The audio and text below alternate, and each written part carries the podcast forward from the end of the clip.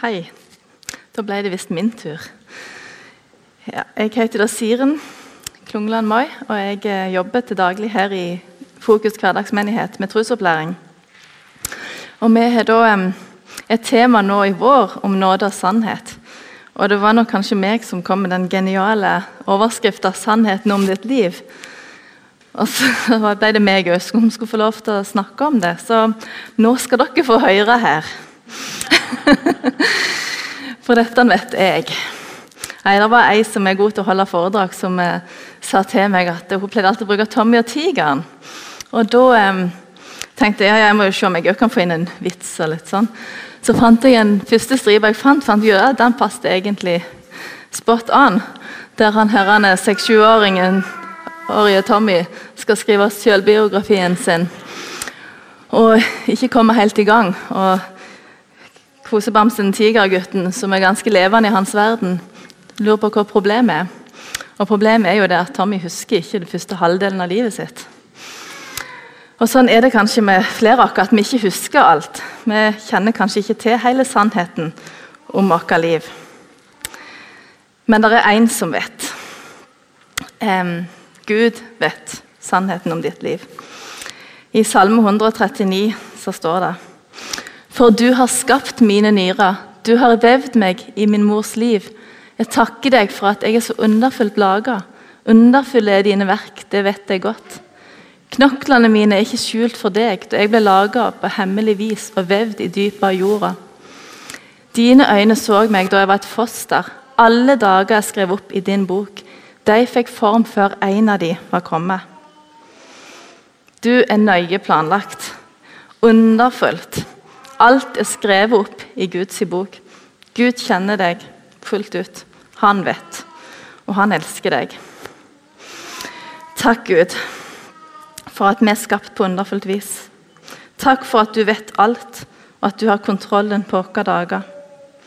Hjelp oss å se sannheten om vårt liv, og sannheten om deg, Jesus.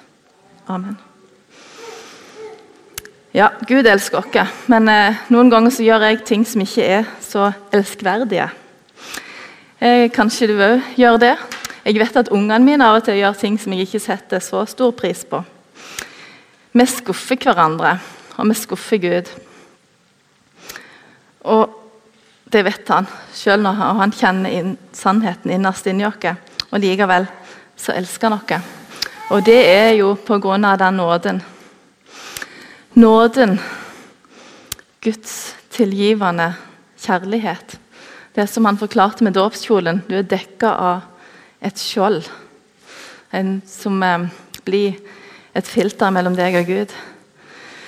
Eh, I Bibelen så blir eh, ordet nåde kommet fra det eh, eneveldige, orientalske eneveldige kongestyret, der en konge viste nåde med personlig å stige ned og gi et menneske noe, eller en person, um, og tilgi han skyld.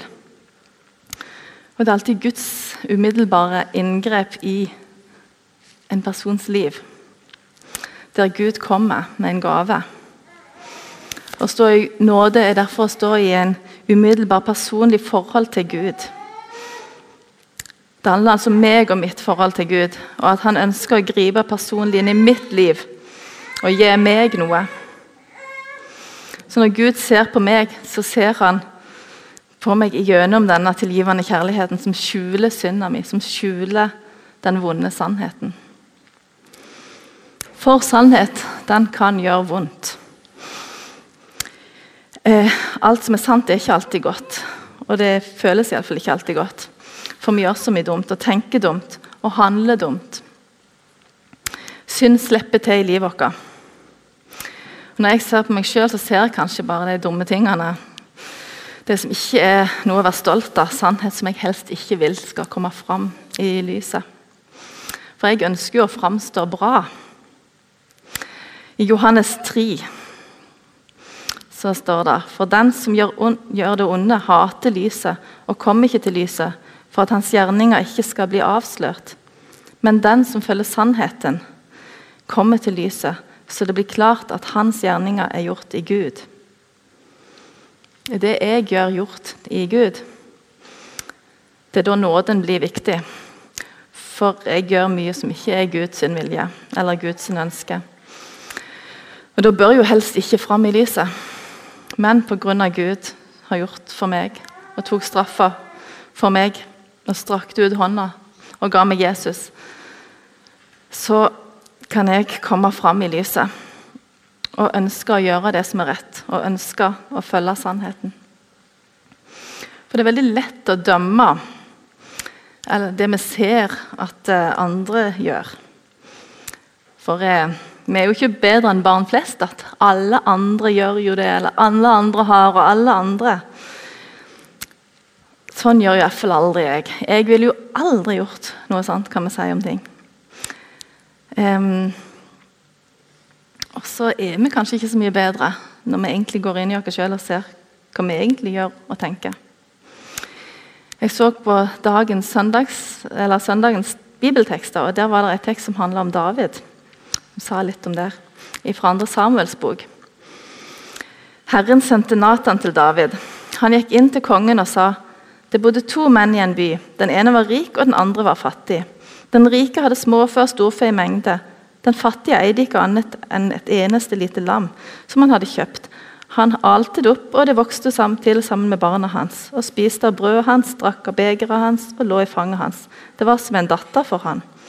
En dag kom en vandringsmann til den rike. Men han kvidde seg for å ta noe av sitt eget småfe eller storfe for å lage i stand for gjesten.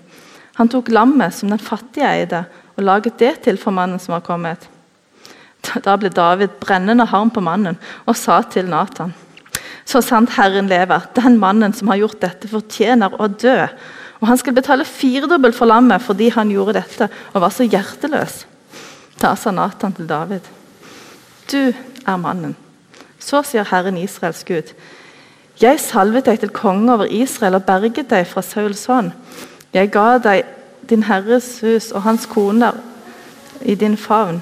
Jeg ga deg både Israels hus og Judas hus, og om det var for lite, ville jeg ha lagt til både det ene og det andre.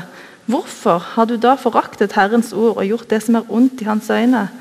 Hetitten Uria har du drept med sverd. Du lot ammonitten drepe ham, og du tok hans kone og giftet deg med henne. Fra nå av skal sverdet aldri vike fra ditt hus, siden du har foraktet meg og tatt hetitten Urias kone. Kong David var rask med å dømme denne mannen som Nathan fortalte om. Han som hadde alt og likevel tok det ene lammet til han fattige. Han fortjener å dø, sier David. Og Da sier Nathan men dette er jo sannheten om deg, David. Det er du som er denne mannen. Det er du som har fått alt, og likevel tatt noe som ikke var ditt. Og vi er ikke alltid i stand til eller villige til å se sannheten om vårt eget liv. Kanskje særlig ikke i vårt eget liv. Videre i Matteus 7 så sier Jesus.: Døm ikke for at dere ikke skal bli dømt. Etter dommen dere dømmer med, skal dere selv få dom. Og i samme mål som dere selv måler opp med, skal også måles opp til dere. Hvorfor ser du flisen i din brors øyne, men bjelken i ditt øye legger du ikke merke til? Eller hvordan kan du se, si til din bror La meg ta flisen ut av øyet ditt når du har en bjelke i ditt eget. Din hykler, ta først bjelken ut av ditt øye. Da vil du se klart nok til å ta flisen ut av din brors øye. Det er meg det handler om, ikke alle andre. At alle andre gjør så mye verre ting enn meg. Sannheten enn alle andre må jo være verre enn sannheten om meg. Nei, vi må gå inn i oss sjøl og finne sannheten om mitt liv og ta opp sitt eget kors og bære det. Jesus sa til disiplene i Matteus 16 om noen vil følge etter meg, så må han fornekte seg selv og ta sitt kors opp og følge meg. For den som vil berge sitt liv, skal miste det. Men den som mister sitt liv for min skyld, skal finne det. Vil, det Hvor vil det gagne et menneske om han vinner hele verden, men taper sin sjel? Eller hva skal et menneske, ved, eller, hva skal et menneske gi som vederlag for sin sjel? For menneskesønnen skal komme i sin fars herlighet sammen med sine engler, og da skal han lønne hver og en etter det han har gjort. For når alt kommer til alt, så er det din sjel det handler om. Vil du berge ditt liv, din sjel, da må du følge Jesus. Det betyr ingenting hva du har oppnådd her i livet av jordiske verdier, gods og gull, ære og berømmelse. Det koster litt, men det er så mye mer verd. Sjelen har en uendelig verdi langt inn i evigheten. Og Det kan være vanskelig å forstå kanskje her og nå, for vi har det så veldig godt her i Norge. Men sannheten er så mye større, for det handler om ditt liv. Og Sannheten er jo at livet her på jorda er jo som et lite øyeblikk i forhold til, i forhold til den evigheten Gud har for oss. Alt blir småtteri i Guds perspektiv. Men så er det viktig å løfte blikket og tenke på det. For vi kan ofte bli blinde for det som virkelig betyr noe for sannheten. Det er et program på fjernsynet som går for tida om noen som heter Sykt perfekt. Om noen unge jenter som eh, de føler så sykt press om å være perfekte at de rett og slett blir syke. Og eh, Det gjenspeiler kanskje den tida vi lever i. For vi ønsker jo å framstå bortimot perfekte. I sosiale medier, på Facebook og Instagram så velger en jo hva en vil framstå med. På jobben òg, på skole, i nabolaget. På jobb må en kanskje òg er det stort press for tida om at en må vise at en er verdt stillinga en har, kanskje. For det er nedgangstid, og en må, en må vise at den er verd noe. Og Noen ganger så pynter vi kanskje litt på sannheten for å stå fram sånn en ønsker. Så folk skal tro godt om en. Det her er en klassisk tatt ifra vårt hjem. Eh, der jeg da sitter og oppdaterer Facebook med min fantastiske familie, og livet kunne ikke være bedre. Hjerte, hjerte, hjerte. hjerte. Mens jeg roper til resten av gjengen. Ti stille, og de fyker i knottene på hverandre. Det er kanskje litt sånn det, det fort kan være. For vi føler oss pressa langt ned i et hjørne fra alle kanter. Lommeboka strekker ikke til for alt en burde ha, og standarden en burde leve i forventninger om eh, fysisk å være i form. En må jo alle klare å springe en mil. Hallo. Og sosialt skal en jo være med på alt. En må ikke gå glipp av noe. En kan jo føle seg utenfor. Kunnskapen strekker ikke til. Det er ganske litt tøft å si at vet du hva, dette kan jeg faktisk ikke. Kapasiteten er kanskje på bristepunktet. Og så må en eh, stå fram som at en takler livet. Sannheten må på en måte bare skjules bak der. Noen ganger så må en kanskje ta seg sjøl, livet i egne hender, og bare gå videre. Så Tenk på Jesus oppi der. Hvordan var det for han, jeg, Følte han seg noen ganger pressa? Hvordan takla han det? Tenk å være både Gud og menneske. Det var en unge en dag som spurte meg hvor gammel Jesus egentlig var.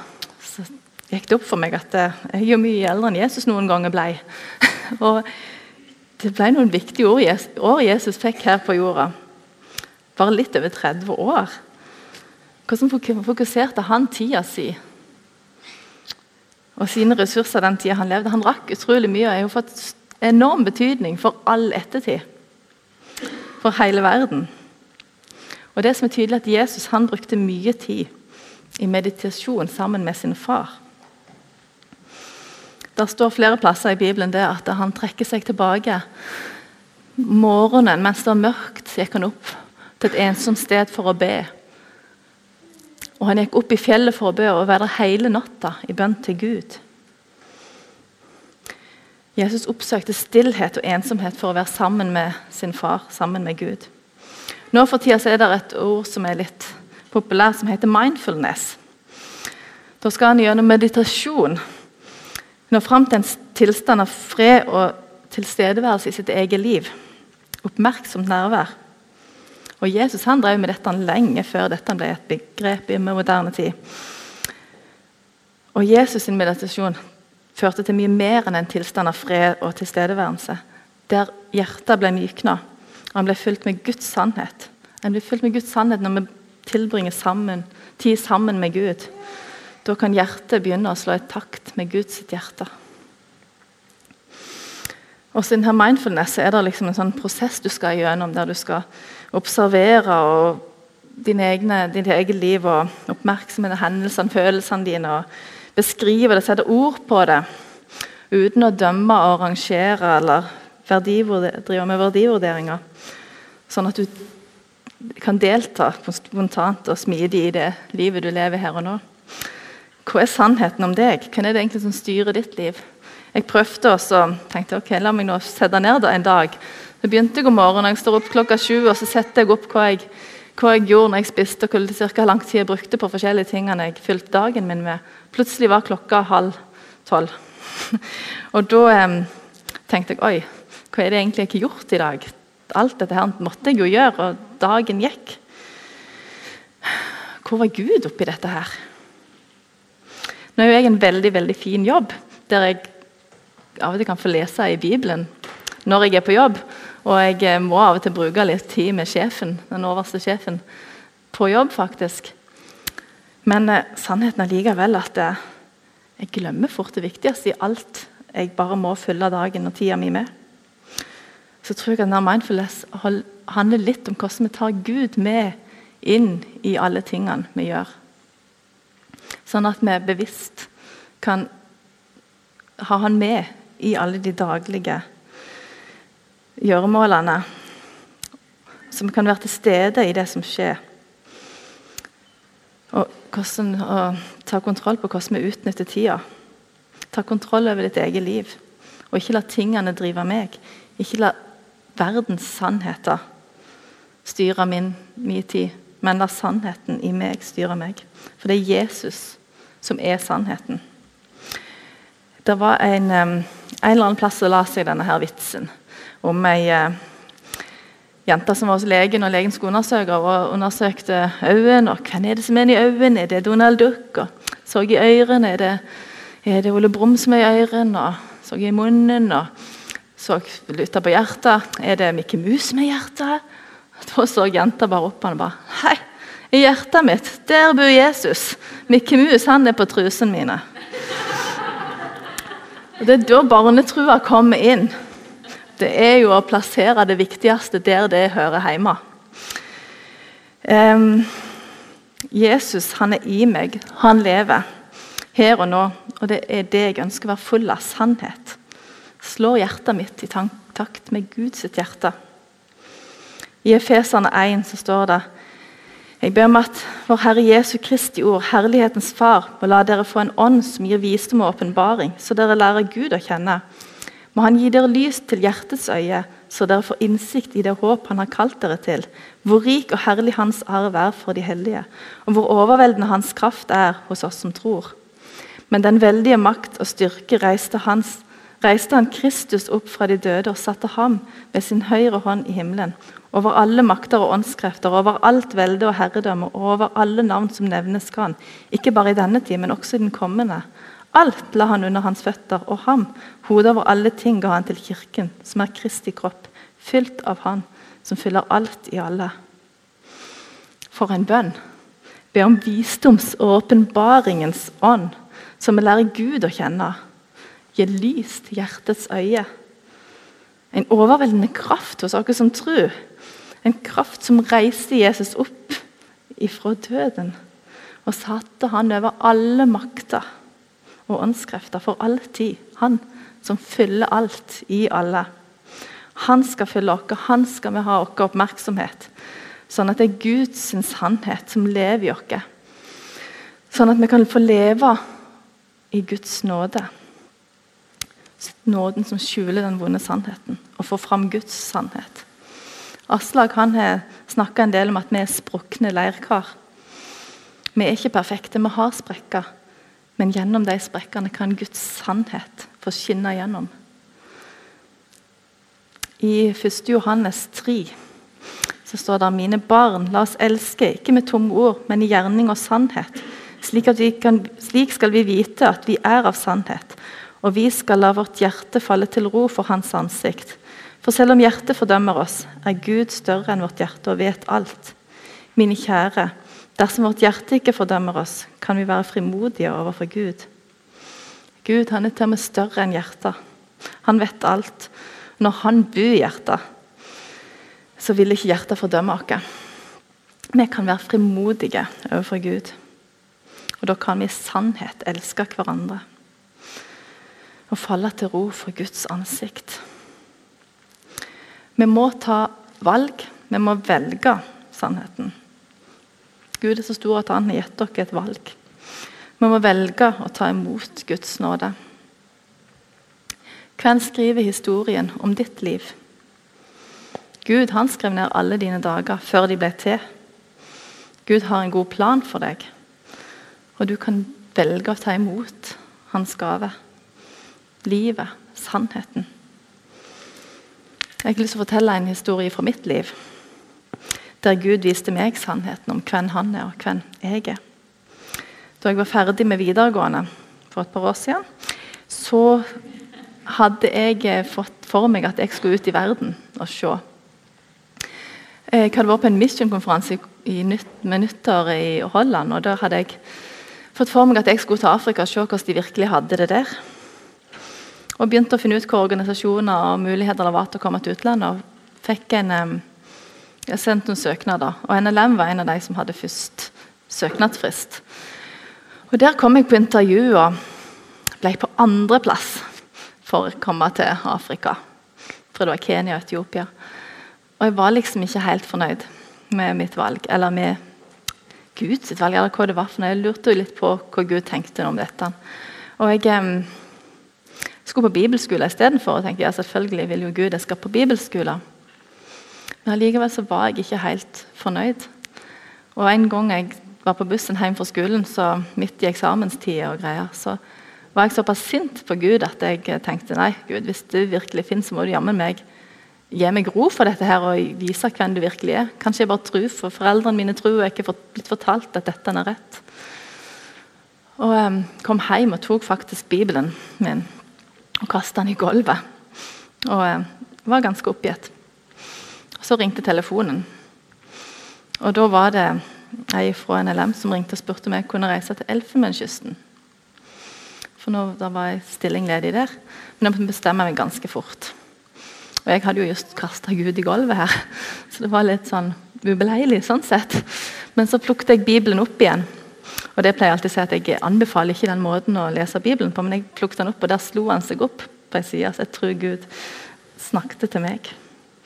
Og Da slår han også seg opp i Jesaja 43, vers 10-13. Der står det Dere er mine vitner, sier Herren, og min tjener som jeg har utvalgt, for at dere skal kjenne meg og tro meg og forstå at jeg er Han. Før meg er ingen Gud blitt formet, og etter meg skal ingen komme. Jeg, jeg er Herren. Det finnes ingen annen frelser enn meg. Det er jeg som har fortalt og frelst og gjort det kjent. Det finnes ingen fremmed blant dere. Dere er mine vitner, sier Herren. Jeg er Gud. Helt fra dag ble til, jeg er Han. Ingen river ut av min hånd. Det jeg gjør, kan ingen gjøre ugjort. Jeg satt med tørre øyne igjen. Gud er Gud, og jeg er hans vitne. Han har utvalgt meg, ingen kan rive meg Gud av hans hånd. Det han gjør, kan ingen gjøre ugjort. Dette er sannheten. Gud er Gud, jeg er hans vitne. Jeg dro til Afrika. Jeg fikk tjene Gud. Gud hadde kontrollen. Og jeg var den som tvilte. Gud viste meg hvem han var. Og han hadde en plan. Han visste om mine dager. Sannheten om ditt liv er at du er elska av Gud. Guds nåde er for deg å skjule dine synder. Du tilhører Gud. Og har du Jesus i hjertet, så har du sannheten i hjertet. Det kan vi velge å ta imot og fylle oss med denne sannheten. Jeg tenker av og til på når jeg tar imot nattverd, at da Helt konkret fyller jeg meg med Jesus. Jeg eh, faktisk spiser hans legeme og hans blod og fyller meg på den måten med den frelsen han har gitt dere. Det er noe jeg kan ta imot. Og bli mer lik han, få mer av sannheten i meg. Han som har vevd meg og visst om meg før alle mine dager. Før mine dager var kommet, så visste han om meg. Og han ga seg sjøl for meg. Jeg er så verdifull for han. Og dette kan jeg velge å ta imot. Jeg kan ta imot denne sannheten og fylle sannheten inni meg, så den blir en del av meg og renser meg fra Guds med Guds fullkomne frelsesverk. Sannheten setter deg fri. Fri fra synd, fri fra nedlatende tanker om deg sjøl.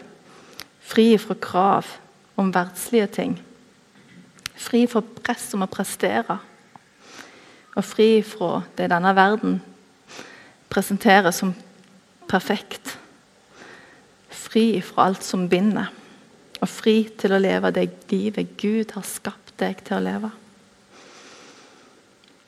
Hvis jeg lar Jesus, som er full av nåde og sannhet, komme inn i mitt hjerte og inn i mitt liv, så blir han sannheten om mitt liv. Han kan være sannheten om ditt liv.